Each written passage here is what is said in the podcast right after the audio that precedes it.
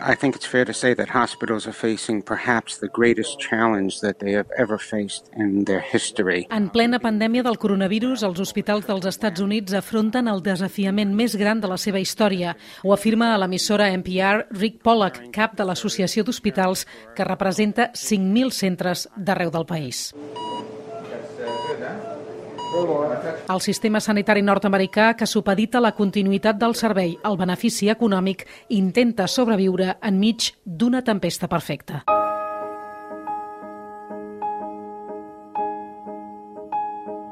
Des de final de març, els hospitals dels Estats Units han perdut de mitjana entre un 40 i un 70% dels pacients, la majoria dels quals acudien per operacions no urgents que han quedat ajornades per atendre els malalts de Covid-19.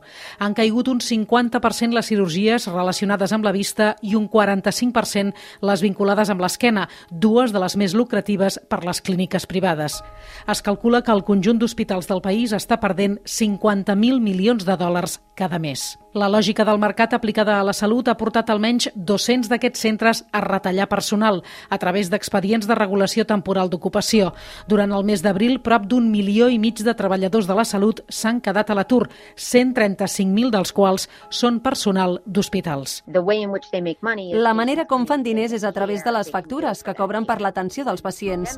Però quan va arribar la pandèmia, la recomanació va ser que la gent no vingués. De manera que no es feien visites ni es cobrava per aquesta atenció. Per tant, el sistema financer en què està basada l'atenció mèdica ha patit un daltabaix.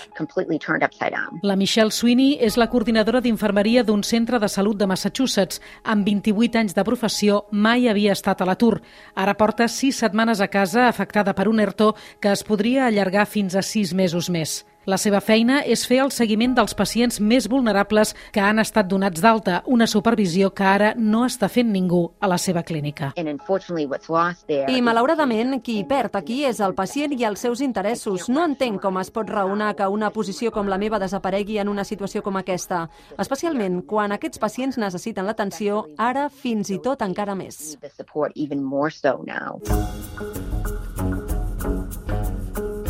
El Congrés ha aprovat ajudes de fins a 100.000 milions de dòlars per als hospitals, però aquests asseguren que es necessitarà molt més. El personal afectat per les retallades denuncia que els directius opten per fer acomiadaments temporals perquè el manteniment dels salaris passa aleshores a mans del govern. Shannon Sherman és infermera de l'Hospital Cape Cod de Massachusetts. Si paguen el personal afectat des d'aquest fons, el govern els tornarà els diners.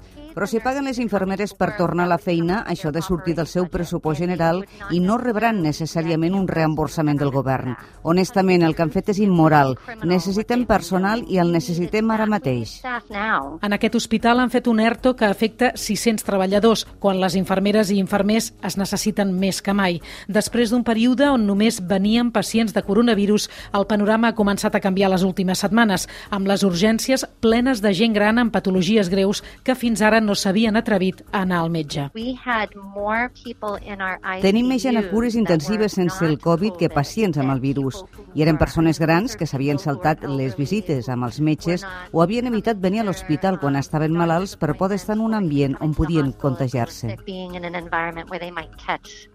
A la crisi financera pel Covid se li suma l'increment rampant de l'atur. Es calcula que 27 milions de nord-americans més han perdut l'assegurança de salut.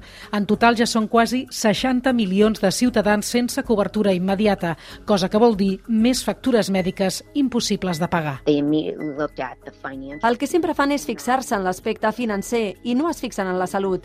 I malauradament crec que això explica per què tants pacients s'han d'enfrontar ara a una situació realment difícil. I estic preocupada sobre com seguiran les seves condicions de salut d'aquí sis mesos sense el suport que tenien anteriorment. without the support that they've had prior.